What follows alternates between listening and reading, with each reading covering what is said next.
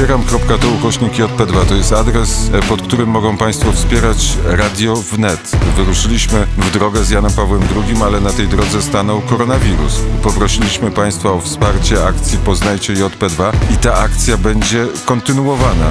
Ale teraz prosimy, żeby Państwo wspierali również radio wnet. Wspieraj.to ukośnik JP2.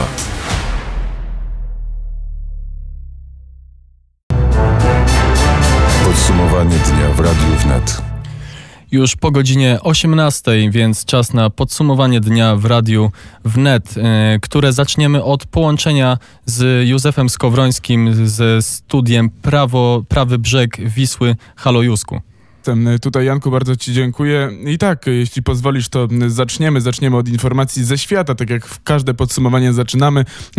Tak, y, może tak, y, żeby powiedzieć, jaki mamy plan na to podsumowanie.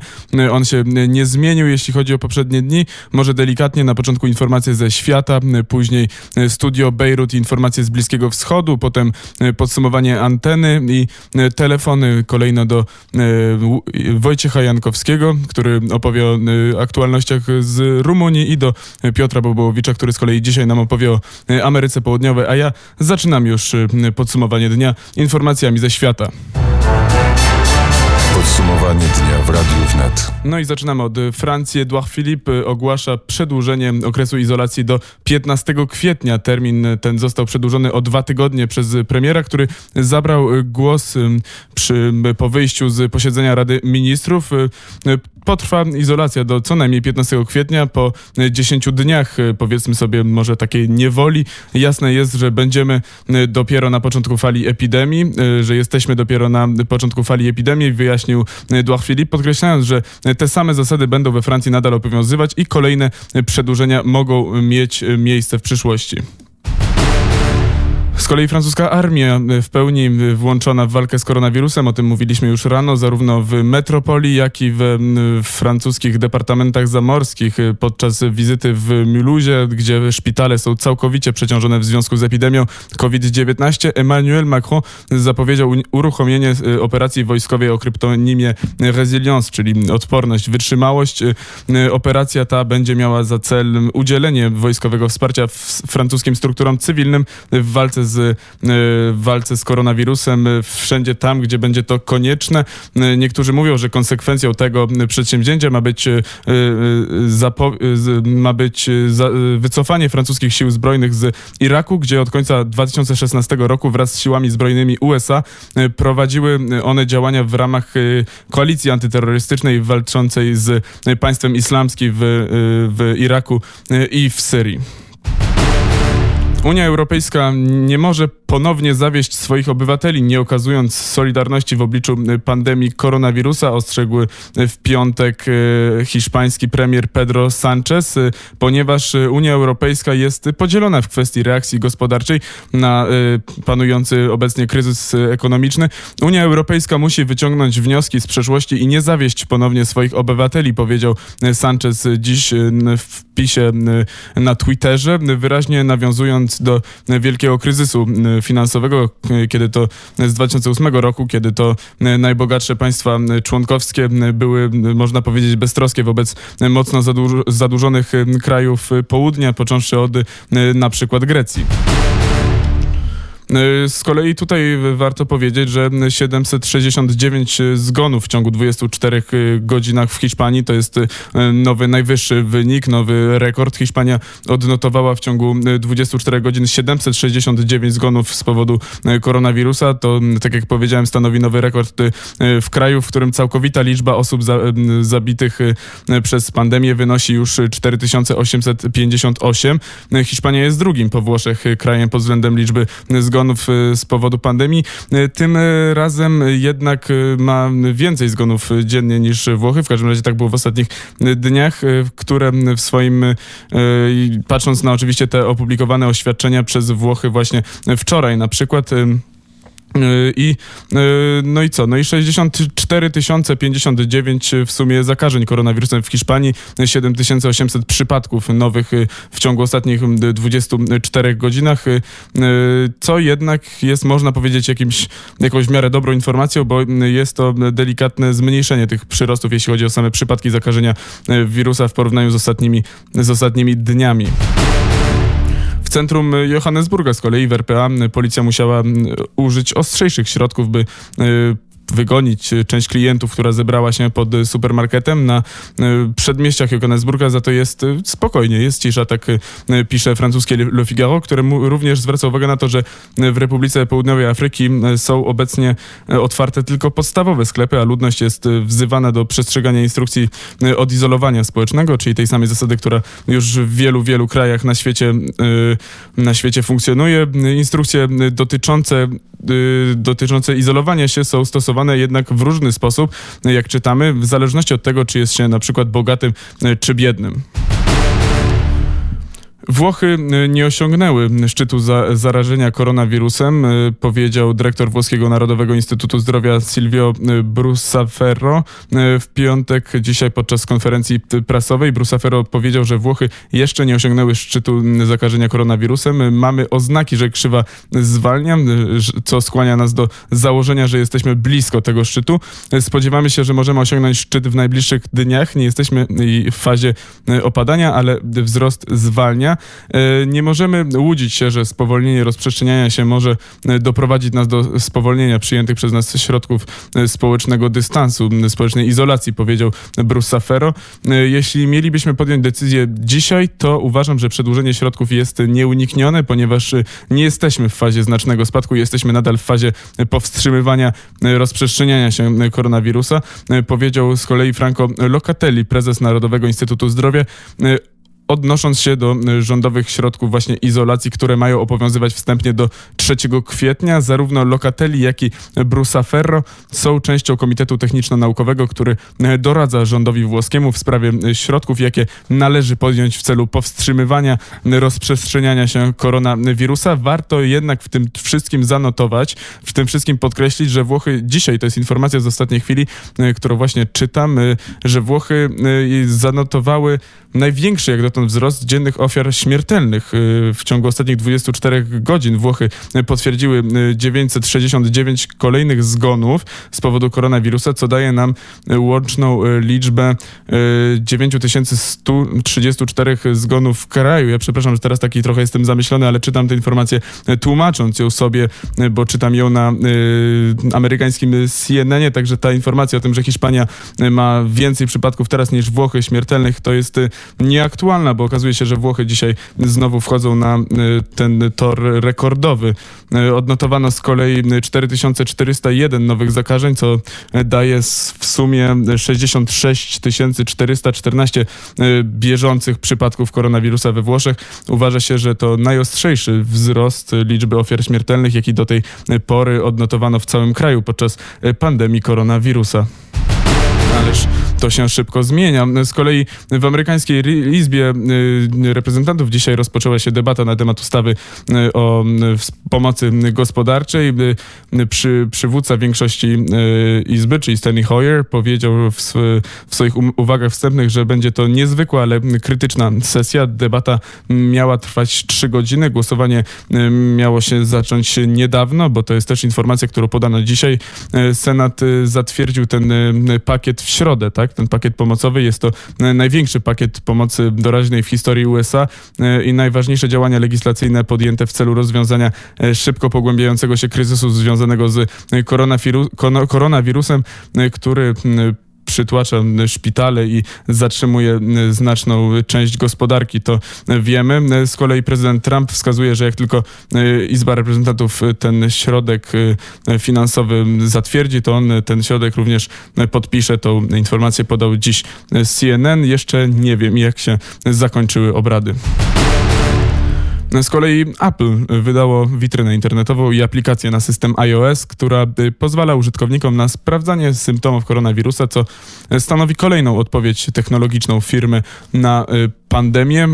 Oba narzędzia zostały opracowane we współpracy z centrami kontroli zapobiegania chorobom, jak również z grupą zadaniową do spraw koronawirusa w Stanach i Federalną Agencją Zarządzania Kryzysowego. Apple powiedział w oświadczeniu, że aplikacja i strona internetowa będą zawierać kwestionariusz i informacje o nowym koronawirusie, które będą pomagać w tym, żeby określić na, poprzez aplikację czy też stronę, czy tego koronawirusa się ma, czy nie.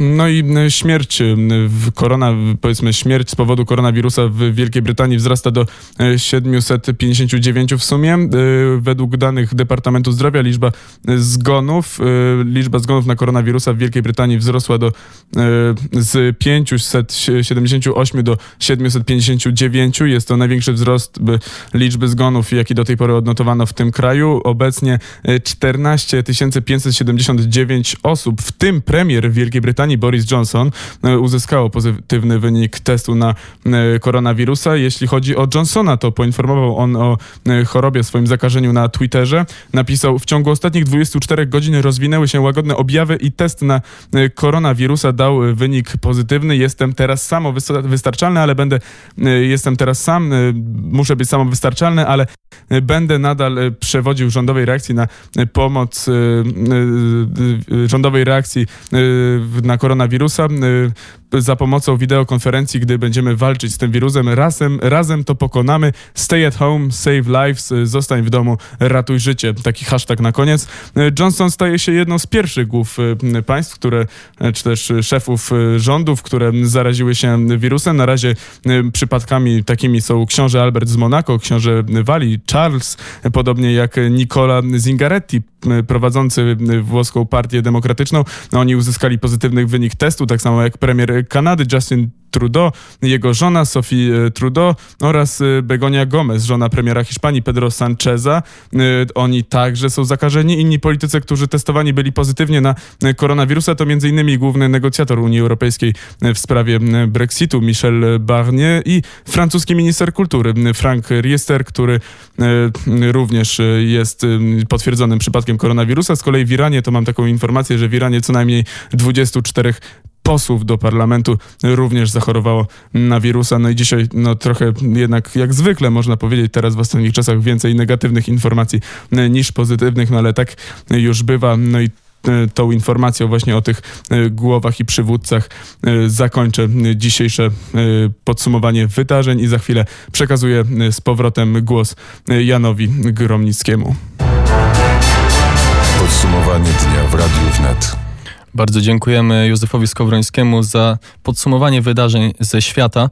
E, ja dodam tylko, że dzisiaj odbyła się, odbył się też briefing e, Światowej Organizacji Zdrowia, na której e, dowiedziałem się, że na szczepionkę prawdopodobnie poczekamy jeszcze od 12 do 18 miesięcy. 46 krajów wspiera te badania z kolei WHO otrzymała przez ostatnie dwa tygodnie z prywatnych kieszeni i organizacji pozarządowych na badania ponad 100 milionów dolarów, ale wybiła już 18.15, a to oznacza tylko jedno.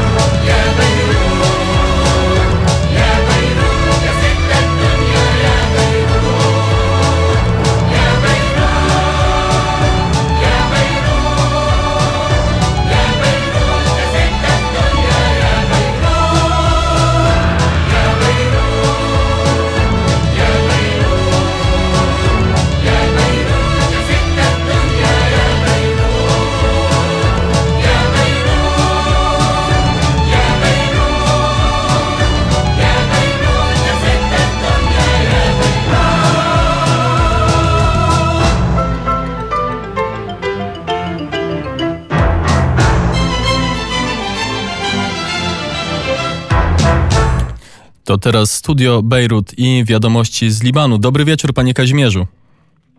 E, dobry wieczór, kłaniam się wszystkim tym po lewej i tym po prawej e, stronie Wisły w tych takich e, specyficznych studiach, jakie dzisiaj służą Radiu Wnet. Jedno z nich to też tutaj w tym kraju, w Libanie, studio Bejrut.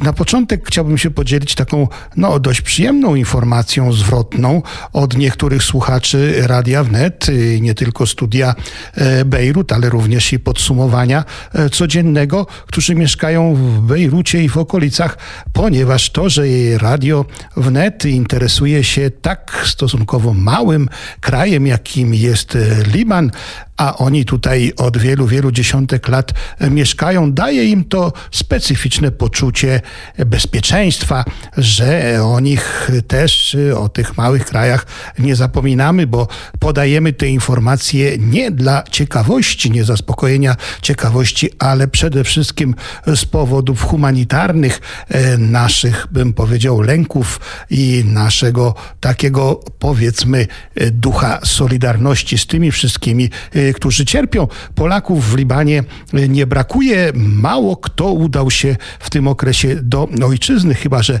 przez przypadek został tam zablokowany. Również i nasze placówki, zarówno ambasada RP w Bejrucie, jak i konsulat, e, co prawda w specyficzny sposób, bo używając tych nowoczesnych urządzeń, e, takich chociażby jakby telefon czy WhatsApp, ale z nami jest w kontakcie i to też nam daje takie właśnie poczucie, że ktoś o nas myśli, a to chyba jest w tej sytuacji najważniejsze, żeby odbudować również ducha, bo ten duch później pomoże nam w walce e, również z tymi chorobami ciała.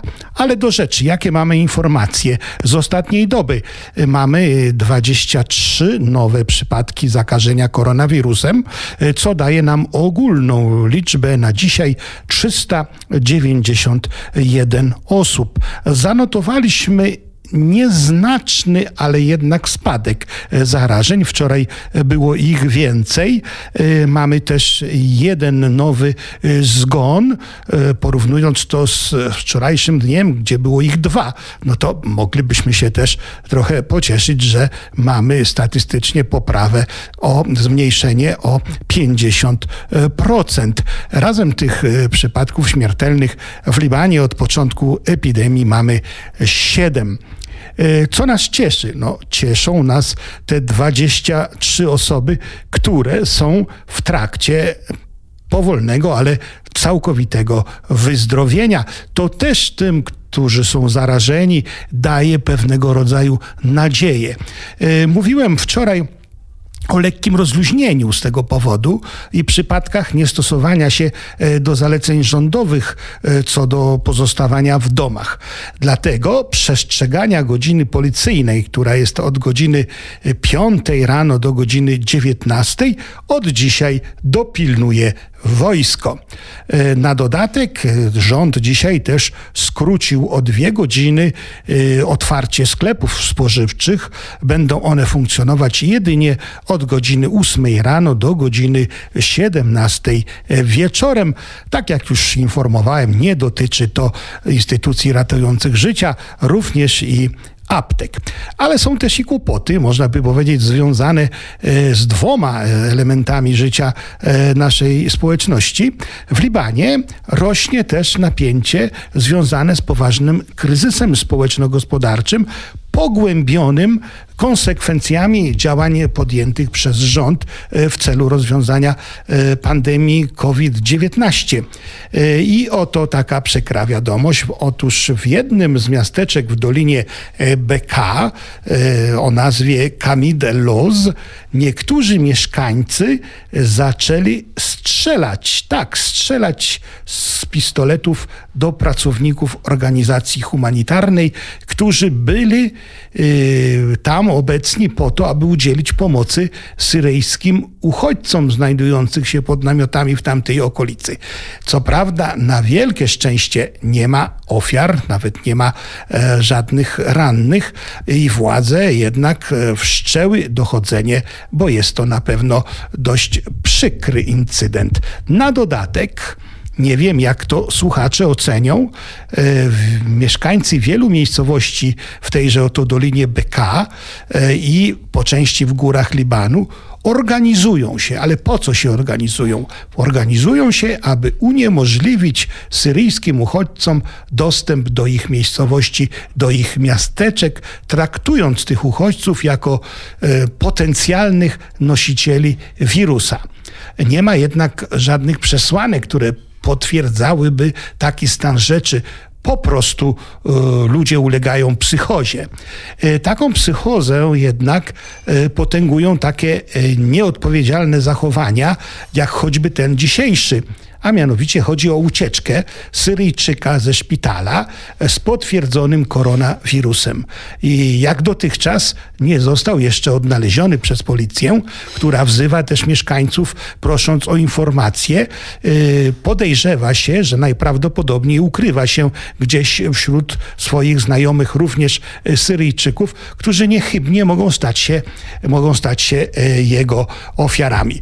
Y, na koniec, jak Staram się też taką pobożną informację naszym słuchaczom przesłać, bo Liban to kraj naprawdę pobożny i dzisiaj w tym momencie właśnie już od 20 mniej więcej minut Liban łączy się z papieżem, e, z jego adoracją Najświętszego Sakramentu na pustym, co prawda, placu Świętego Piotra, z jego późniejszym za chwilę prawdopodobnie, które będzie miało miejsce na placu błogosławieństwem Urbi et Orbi, czyli miastu i światu i w Kerkę, czyli w siedzibie e, naszego kardynała, patriarchi Kościoła katolickiego maronickiego, odbywa się modlitwa.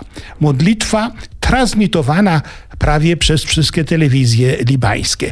Dodam naszym słuchaczom, że to jest czas, kiedy prawie wszystkie telewizje normalnie transmitują różnego rodzaju telenowele, na które e, wielu, wielu ze społeczeństwa libańskiego czeka. Niestety dzisiaj takich telenoweli nie obejrzą, bo mogą tylko jedynie przyłączyć się do tej wspólnej modlitwy. E, kardynał zaprosił wszystkich, abyśmy w domach też e, modlili się razem z nim w różny sposób, chociażby przez to, że to dzisiaj jest e, piątek, to może odmówmy drogę krzyżową, odprawmy, czy po prostu różaniec.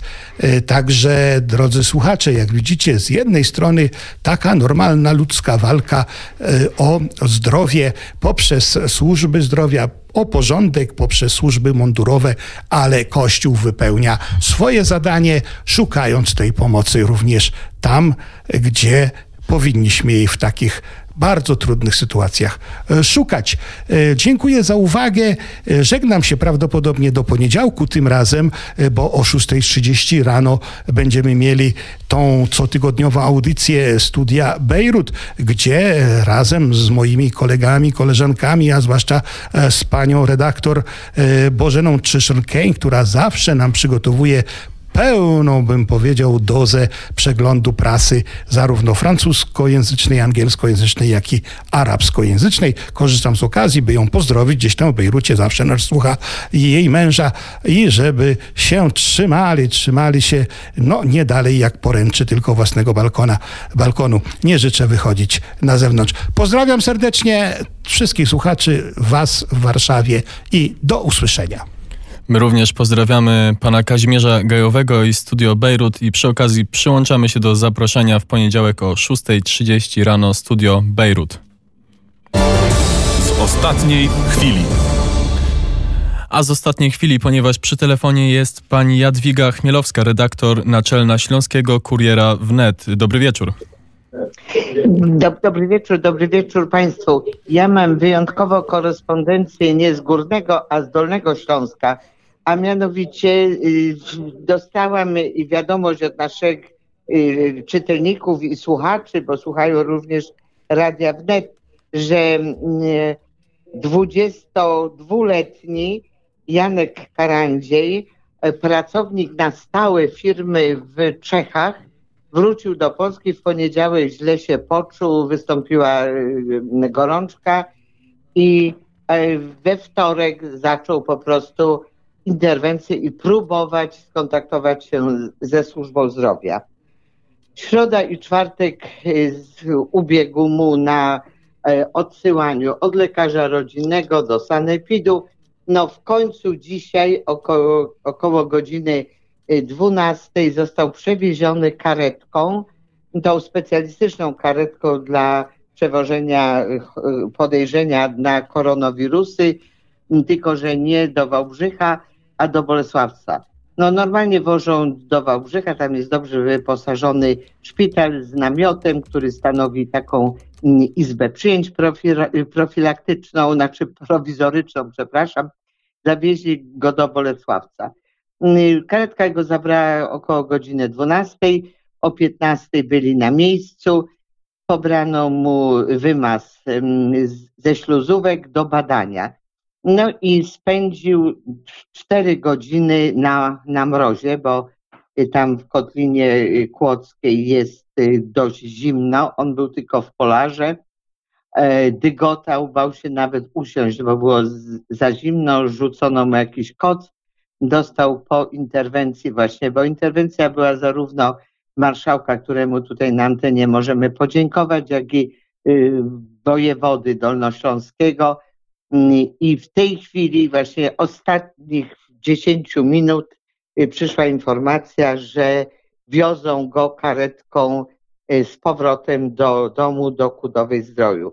Najbardziej szokująca dla mnie informacja była taka pierw, pierwsza, Y, po pobraniu tych wymazów, że no pan, proszę bardzo, niech pan autobusem wraca do domu. No jak facet, który pracuje w Czechach, czyli przekroczył granicę, musi mieć 14-dniową y, kwarantannę, ma wracać sam do domu, jeśli ma podejrzenie korano, koronawirusa. Tym bardziej, jeżeli został przywieziony ambulansem.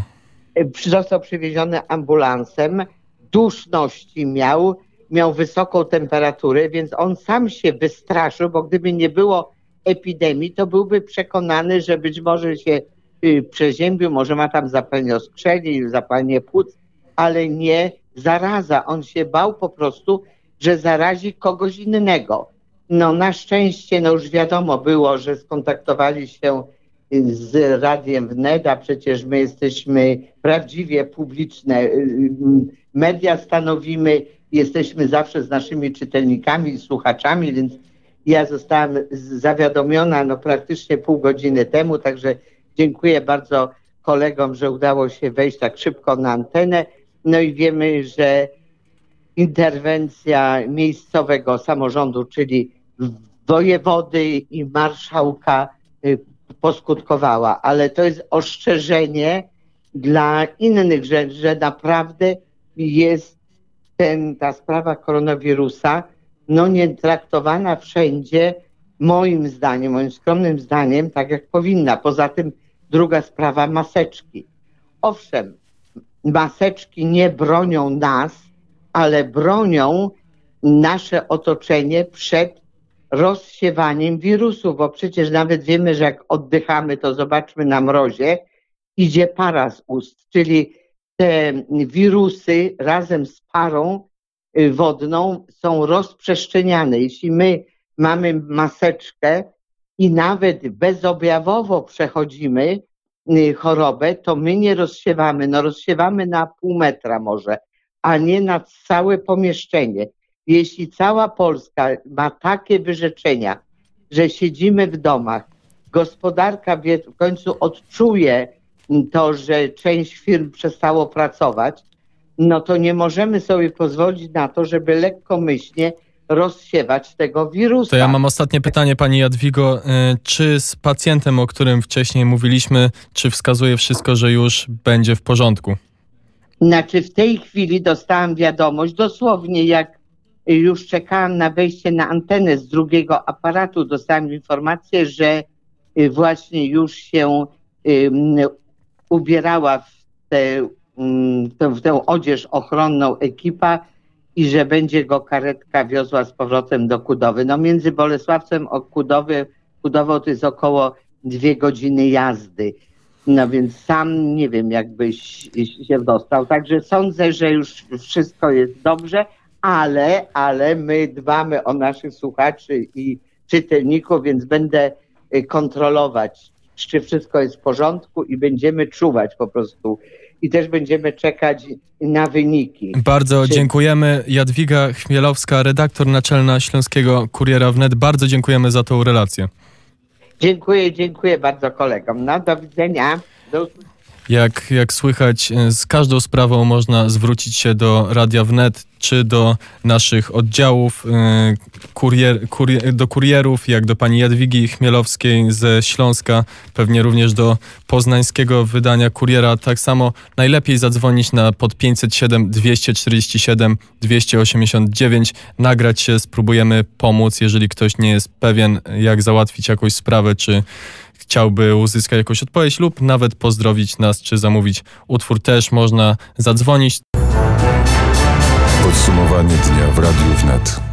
To jest podsumowanie dnia w Radiu Wnet. Słuchają nas Państwo w Warszawie na 87 i 8, w Krakowie na 95 i 2 i na całym świecie na wnet.fm, gdzie podajemy też informacje z ostatniej chwili na naszym portalu. A teraz posłuchajmy, co dzisiaj wydarzyło się w Polsce. Miało miejsce, e, Sejm miał miejsce w Polsce dokładnie i przemawiał premier Mateusz Morawiecki. Tarcza antykryzysowa ma z jednej strony chronić miejsca pracy, z drugiej strony chronić przed bankructwami.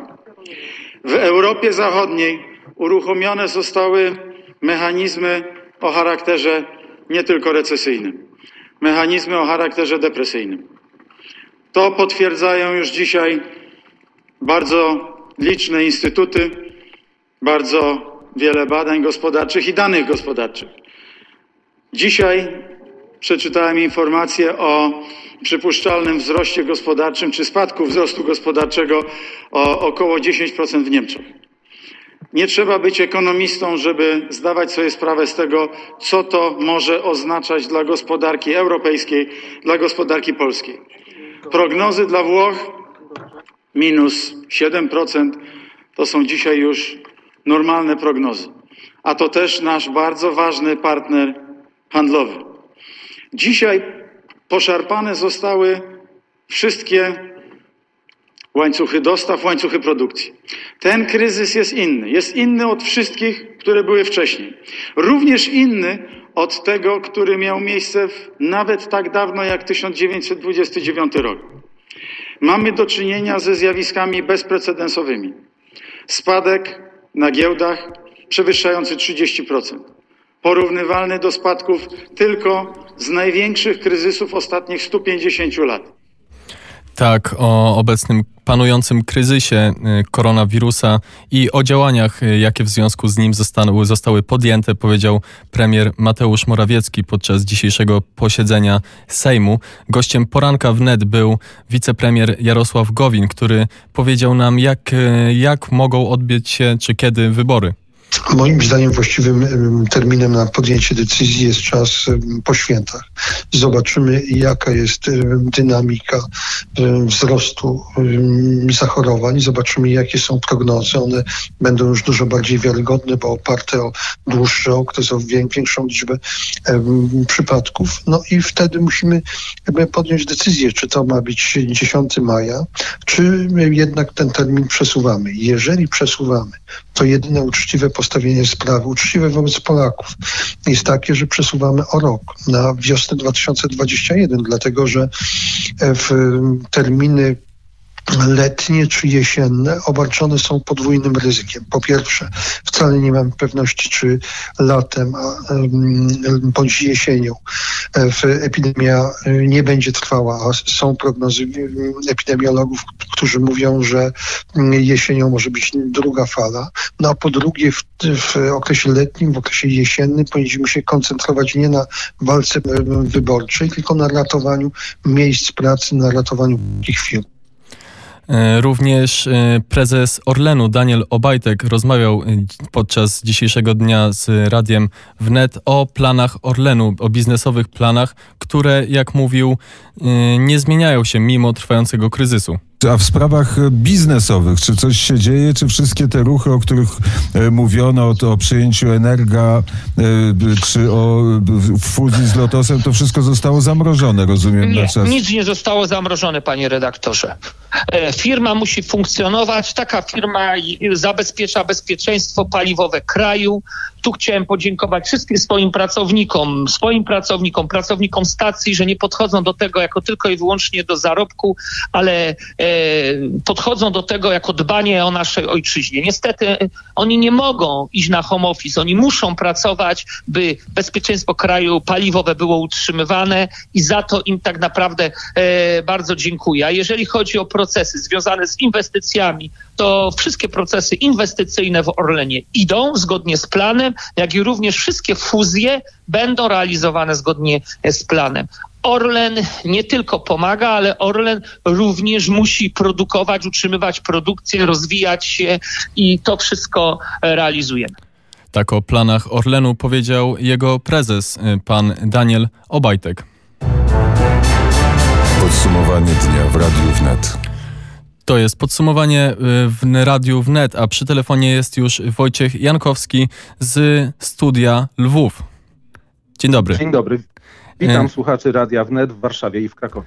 Ale dzisiaj nie będziemy rozmawiać o Lwowie, tylko O Rumunii, tak, dotrzemy do Rumunii, chociaż punktem wyjścia jest poniekąd Lwów i Ukraina. W korespondencjach, które nadawaliśmy dla Państwa, które mówiłem w środę albo w sobotę w programie wschodnim, mówiłem, że najwięcej do niedawna, to już powoli przestaje być prawdą, najwięcej zakażeń koronawirusem był na zachodzie mm, Ukrainy, ale w specyficznym regionie, obwód czerniowiecki, czyli Bukowina. To jest miejsce, gdzie był przypadek zero i nie pierwszy, co prawda przypadek śmiertelny, ale, ale drugi. E, Bukowina jest w uproszczeniu e, terenem, który, jak gdyby nie rozgadując się, bo nie ma za dużo czasu na to, e, terenem, który regionem, który należał do Rumunii w dwudziestoleciu międzywojennym i został przez Sowietów w 40 roku podzielony. Północna część została oderwana od Rumunii i przyłączona do, do Związku Sowieckiego, a teraz jest częścią Ukrainy. I w pewnym momencie przyszło mi do głowy zajrzeć za miedz, zajrzeć za granicę, zobaczyć, czy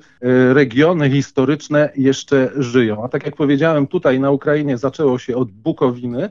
W tej chwili już Bukowina nie jest pierwsza w tym smutnym rankingu, ponieważ stolica, która jest osobnym obwodem administracyjnym, osobną jednostką administracyjną, stolica jest na pierwszym miejscu. I zajrzałem wczoraj, już kilka dni temu chciałem to zrobić, ale zajrzałem wczoraj do Rumunii, znalazł się wreszcie czas i co się okazało? Niemalże lustrzane odbicie, to znaczy na pierwszym miejscu jest Bukareszt, czyli stolica, która podobnie jak na Ukrainie jest osobną jednostką administracyjną, ale na drugim miejscu jest Bukowina Południowa, Bukowina Rumuńska, gdzie jeżeli się spojrzy na interaktywną mapkę, to jest ten region północno-wschodni, który jest zapalony na, zaznaczony na czerwono. Nie chciałem tutaj opowiadać zbytnio o cyfrach, bo one nie są kluczowe i tutaj można byłoby poniekąd zamknąć ten temat, powiedzieć, że jest to konsekwencja pewnego ułożenia geograficznego, że tak jak kiedyś kupcy chodzili tym szlakiem, tak jak kiedyś wojska chodziły tym szlakiem, bo przypominam, za Jana Albrachta wyginęła szlachta, to była właśnie wyprawa na Bukowinę, do stolicy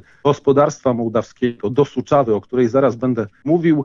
Właśnie wtedy ta nasza szlachta została może nie, nie wycięta w pień, ale zdziesiątkowana, zdziesiątkowana w y, lasach Bukowiny. I można byłoby założyć, że również tym szlakiem y, nosiciele wirusa podróżują, tak jak podróżowali kiedyś kupcy do Konstantynopola, to teraz z Włoch wracają do Rumunii i na Ukrainę. No ale to jest wytłumaczenie może trochę zbyt proste, może zbyt prostackie, może za szybko, żeby wyciągać takie wnioski i może warto przyjrzeć się jeszcze innemu czynnikowi, a, a który jest bardzo ważny w omawianiu zawsze takich spraw, to znaczy czynnik ludzki.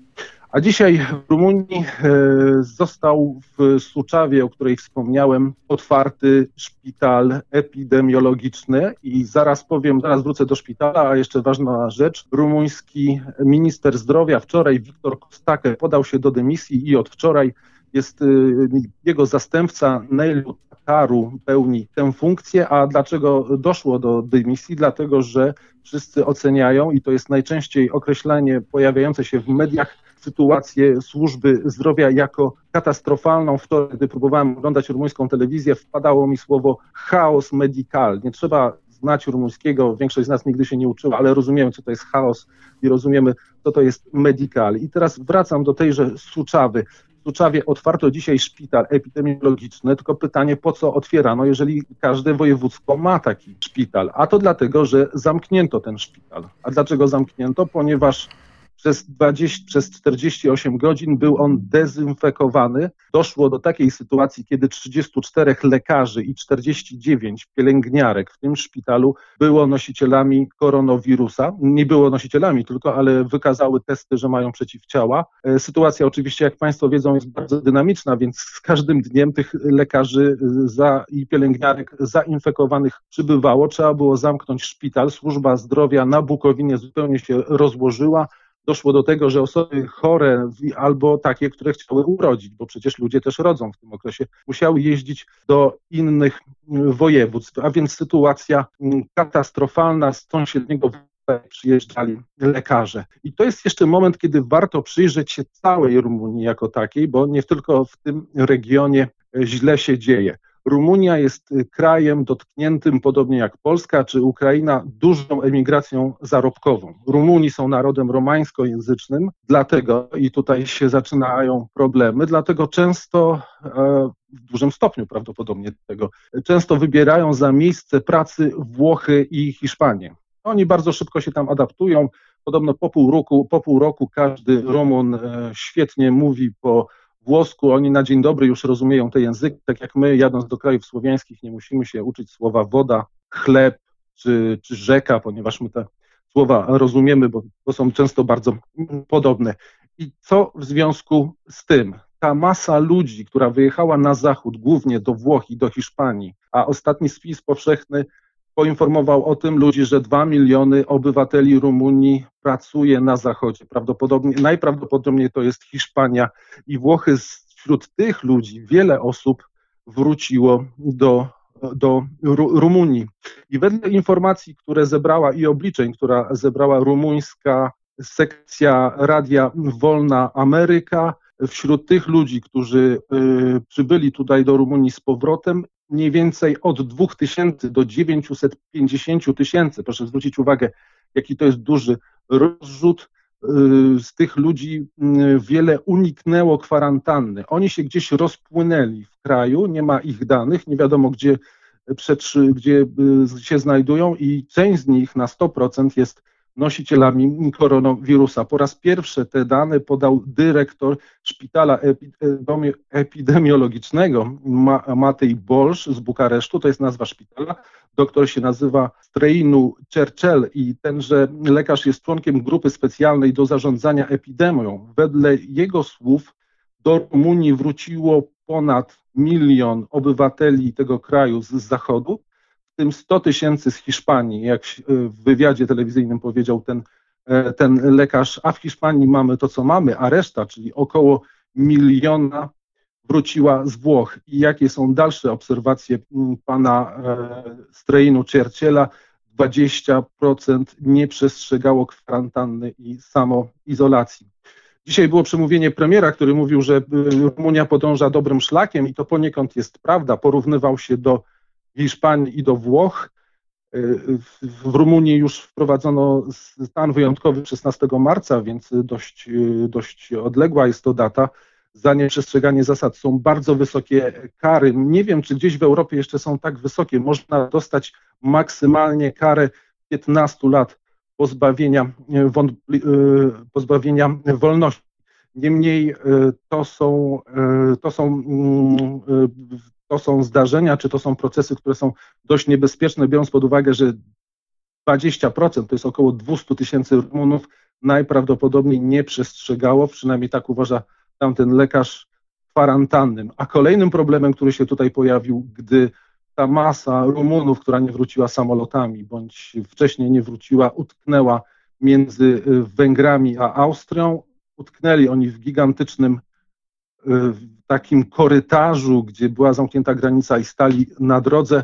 Oni y, długo tam stali, to były do 40 kilometrów kolejki, byli przepuszczani przez Węgrów tylko w nocy przez parę godzin, więc to jest kolejna, kolejny problem Rumunii. Tam jeszcze stoją ludzie na granicy i są wpuszczani bardzo selektywnie. Węgrzy zgadzają się przepuszczać, ale nie, e, nie za jednym razem. Ludzie stoją tam i czekają. Także takie wieści z Rumunii myślę, że nie powinny się porównywać do Włoch czy Hiszpanii, tylko raczej do naszych rozwiązań. A jeśli chodzi o cyfry, bo pewnie one są ważne, 25 y, ofiar śmiertelnych, z czego 1 trzecia na tejże Bukowinie, o której już powiedziałem, 8 zgonów na Bukowinie, 1300 osób w tej chwili jest zakażonych, to są dane z dzisiaj, one są udostępniane co dobę, więc y, na, przez parę godzin możemy uznać, że to jest prawda, a przypominam, zaledwie 19 milionów ludzi, no w tej chwili już 20 milionów, bo milion przyjechał, więc jest to o połowę mniej mieszkańców kraju niż w Polsce, więc Rumunia niestety pada gorzej niż Polska w tym rachunku. E, bardzo dziękujemy. To był Wojciech Jankowski ze studia Lwów e, z korespondencją prosto z Rumunii. A gościem, e, gościem Radia Wnet był w dzisiejszym poranku również Paweł Borys. Paweł Borys, prezes Polskiego Funduszu Rozwoju, który mówił o tarczy kryzysowej. Posłuchajmy. Tarcza, czy to jest 212 e, miliardów e, złotych, czy może być więcej, czy może być mniej?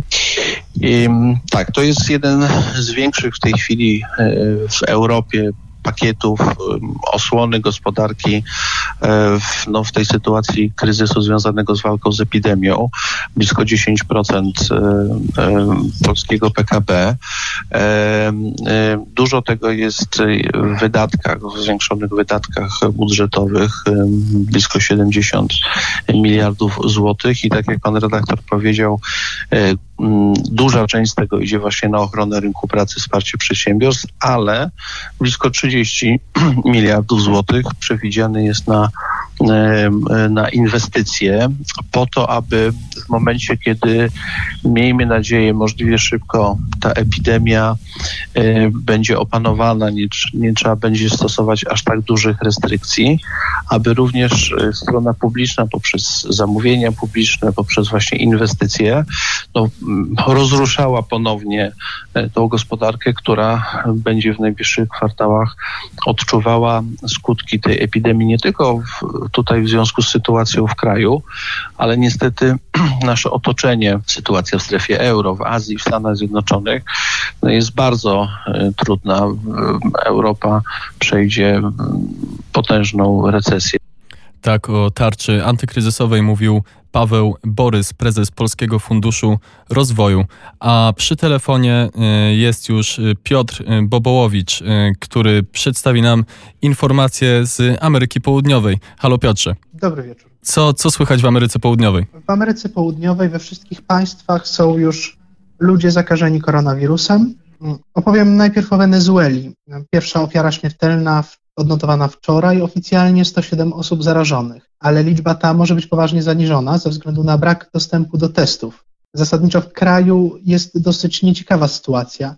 Po siedmiu latach ciągłego spadku gospodarczego, szalejącej hiperinflacji, y, społeczeństwo jest zubożałe. Niektóre zakłady opieki zdrowotnej nie mają dostępu do elektryczności, do wody, więc y, jest tam poważny problem humanitarny. Wiele ludzi jest chronicznie niedożywionych, a zdaniem miejscowych aktywistów zajmujących się dożywianiem dzieci w biednych dzielnicach, opieką nad osobami starszymi.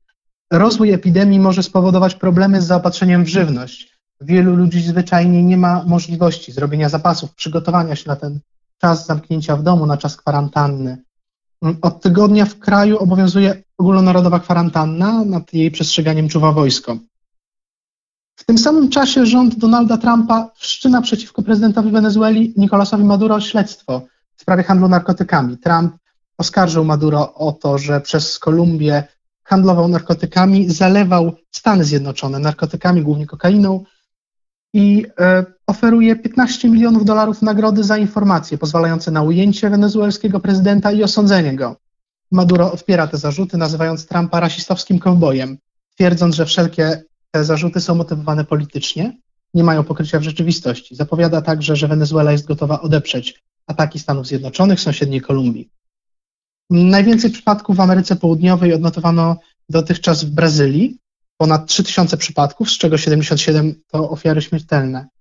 W najsłynniejszej faweli Rio de Janeiro, w Cidade de Deus, mieście Boga, mieszka tam około 40 tysięcy ludzi. Organizacja przestępcza Comando Vermelho Czerwone Komando wprowadziła godzinę policyjną na własną rękę.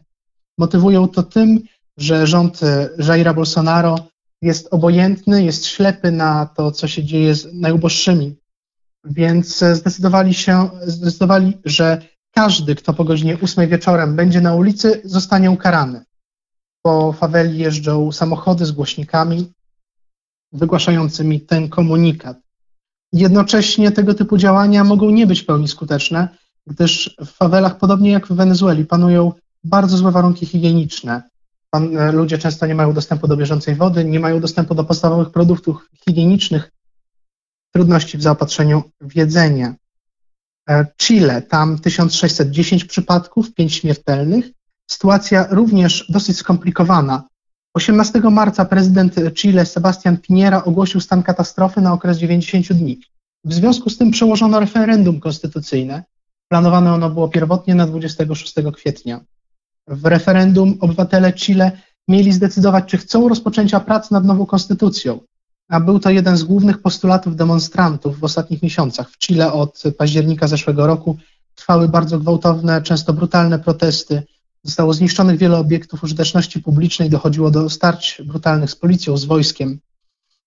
Obecna konstytucja obowiązuje od roku 1980, jest dziedzictwem czasów Augusto Pinocheta a główne zarzuty pod jej adresem to m.in. kontrola sektora prywatnego nad służbą zdrowia, edukacją, ubezpieczeniami społecznymi, a także usługami komunalnymi, takimi jak zaopatrzenie w wodę i prąd. Tak naprawdę niektórzy ludzie oskarżają e, Sebastiana Pinierę o to, że stan katastrofy służy właśnie rozpędzeniu protestów, natomiast e, a nie, a nie ochronie przed wirusem, temu czym ma tak naprawdę służyć. Z drugiej strony jednak ten stan pozwala rządowi w końcu zarządzać skuteczniej służbą zdrowia, która, tak jak wspominałem, jest pod kontrolą sektora prywatnego na co dzień, więc tutaj ta sytuacja jest, jest o tyle skomplikowana. I jeszcze Ekwador. Ekwador 1595 przypadków, 36 ofiar śmiertelnych. E, natomiast pierwsze trzy osoby zostały wyleczone. Ekwadorczycy bardzo się cieszą z tego powodu. Jest to informacja, która ukazała się na pierwszych stronach gazet. Ponad 70% przypadków odnotowano w prowincji Guayas nad Oceanem Atlantyckim. Miasto stołeczne tej prowincji Guayaquil to jeden z najważniejszych portów i najważniejszy obok stolicy Quito ośrodek finansowo-biznesowy. Mieszka tam prawie 2 miliony 700 tysięcy ludzi oficjalnie, ale faktycznie mówi się nawet o czterech. Ekwadorskie media donoszą także o grupie co najmniej 130 Ekwadorczyków, którzy utknęli przez pandemię w Argentynie.